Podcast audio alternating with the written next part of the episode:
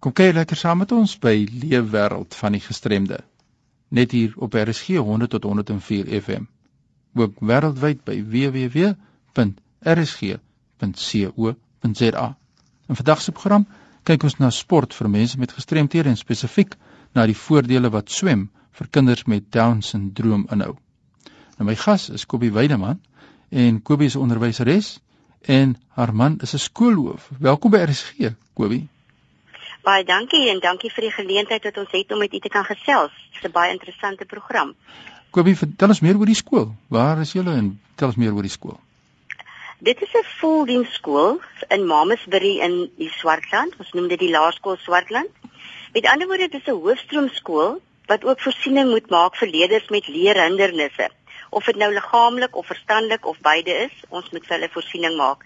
Die skool is, is rolstoelvriendelik En ons het al leerders in rolstoele gehad, blinde kindertjies en ook selfs dowes wat ons moes akkommodeer. Daar is ook dan twee spesiale eenhede vir leerders met multigestremthede. Hulle word die junior en die senior sonskyn klas genoem. Uh die juffrou wat hulle begin het, het gevoel hulle bring soveel sonskyn in die klas dat dit die klassiese naam sou wees. Nou, ek het in die begin van die program gesê dat jy te belangstelling in sport. Vertel ons 'n bietjie daaroor. Ja, ek was eintlik nie so baie uh, sportief nie, maar as gevolg van my eie kind wat Down syndroom het, het um, ons moes 'n plan maak met hom toe hy so 13, 14 jaar oud was, want die aanvanklik sou die eerste klasie, die junior sonskyn klas waarna hy was, sou die enigste klas wees en dan moet hulle na 'n volgende skool toe gaan. En 'n vriendin het my aanbeveel om met iemand te praat wat ook al deur die stappe moes gaan. Dit is mevrou Bel van die Ceres. En ons het sommer 'n bietjie gesels en in die gesprek het swem ter sprake gekom. My eie kind is sommer net lief gewees vir swem, maar sy het ons te dadelik aangemoedig om vir hom te laat begin met ekstra swemlesse. En dit het dan daartoe gelei dat hy sommer baie vinnig die onder 15 down swemmer in Suid-Afrika geword het. Nou ja, dit is voorware prestasie. Nou dit bring my by 'n vraag van die ouderdom. Wat is die ouderdom van kinders wat Down syndroom het wat dan kan begin swem? Is daar spesifieke gevaarareas of nie? Dit hang ook maar af van of die kind nou sy gesondheid daar volgens is. As hy nou longprobleme sou hê of ernstige hartprobleme, sou dit regtig 'n probleem wees. Indien hulle redelik gesond is, kan hulle van kleintyd af maar gewoond geword aan die water. Ek sou hom nou nie in 'n bad gegooi het. Dit is baie keer doen om die kinders waterwys te maak nie. Maar hulle is mos baie groot naapertjies. En ehm um, hierdie kindertjies leer dan vinnig om te kyk wat ander doen. So ons het hom sommer van vroegtyd af al in die water gesit saam met die ander kinders met vlekkies natuurlik. En voor ons ons kon kry het hy my na begine op. So hy eintlik hiervan toe hy skool toe kon gaan, kon hy al swem ook.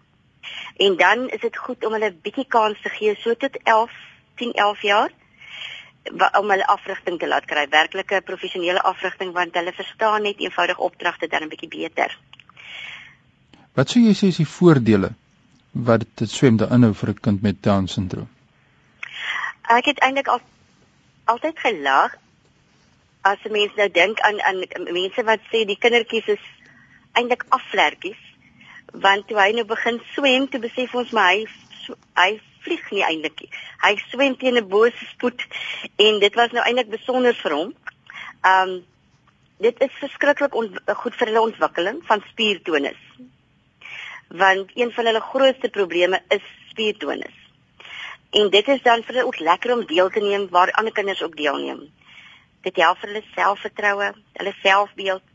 Uh die six pack is natuurlik 'n groot bonus veral vir die seuns want hulle moet werklik baie oefen om daai six-pack te kry.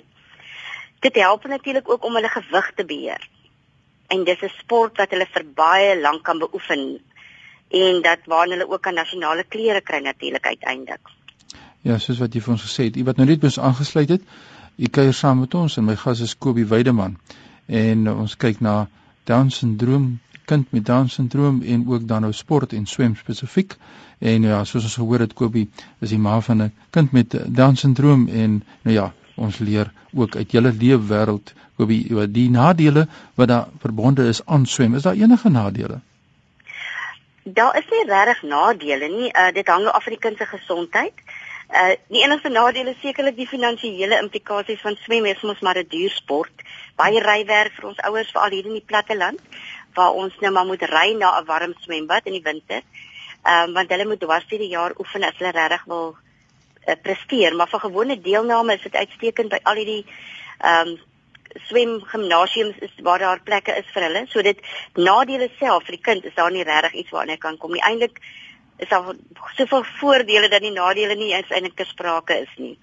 Ja, luisteraars met 'n pen en papier byderhand hou want aan die einde van die program gaan ons die kontakbesonderhede van Kobie Weideman deurgee en die na mense is wat regstreeks ook deur Down syndroom geraak word, maar ook in die algemeen met swem en ook kinders met 'n gestremdheid. Kobie, ek wil vra, jy weet uh, ons hoor nou ouers uh, van kinders met gestremthede ja, vele uitdagings wat daar bestaan, maar as ons 'n bietjie kan kyk na uit jou perspektief die uitdagings wat kinders met Down syndroom moet oorbrug.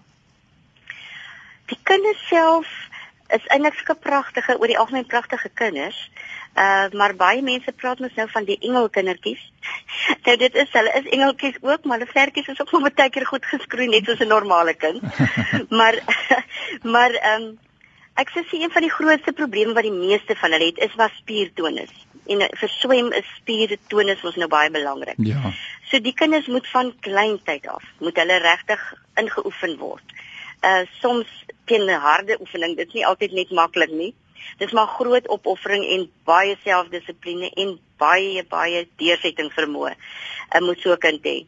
Gewoonlik het hulle dit ook. As hulle net eers die passie vir iets het, dan het hulle geweldige deursettingsvermoë. Kyk, winter koue of niks keer hulle nie.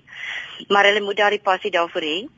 Ehm um, dit kos hulle beslis meer inspanning as vir 'n normale kind as dit by by oefening kom en dan moet hulle ook meeste van die tyd kompeteer met normale kinders wat normale liggaamsbou het eh, want eh, andersins kan hulle nie eintlik deelneem nie. Daar's nie 'n spesiale plek waar hulle nou kan net hulle alleen deel nie behalwe as dit nou hulle eie SA's is natuurlik maar normaalweg swem hulle saam met die ander kinders in die swembad wat natuurlik ook maar 'n voordeel by het nê want hulle leer maar by die ander kindertjies ook goed.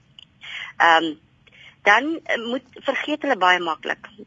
So ek kind wat wil verder gaan, moet werklik baie goeie 'n baie goeie afrigter hê met baie goeie eienskappe soos geduld. Want die opdraggies moet maar baie herhaal word, so die kind moet oor en oor maar oefen. Ehm um, dan 'n ander ding is natuurlik dis nie maklik om vir hulle borge te kry nie want hulle is 'n klein groepie en soos byvoorbeeld die nasionale span dit dit veroorsaak nogal vir hulle onsekerheid want hulle weet nooit kan hulle regtig verder gaan nie omdat daar op die nommer 99 nog nie vir hulle geld beskikbaar is en so aan nie dit is maar die eintlik die grootste probleme wat hulle het.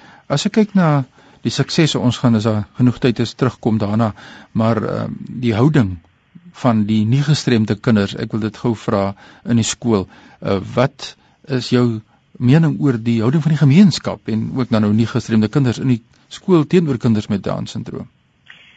Ek dink in ons skool en in ons gemeenskap is dit seker die grootste positiewe ding wat ek van dit van ons deel kan sê want ons mense was nie baie gewoond aan down syndroom kinders nie en aan baie gestremdes nie. En vandat ons die klassies het aanvanklik was dit 'n privaat klas.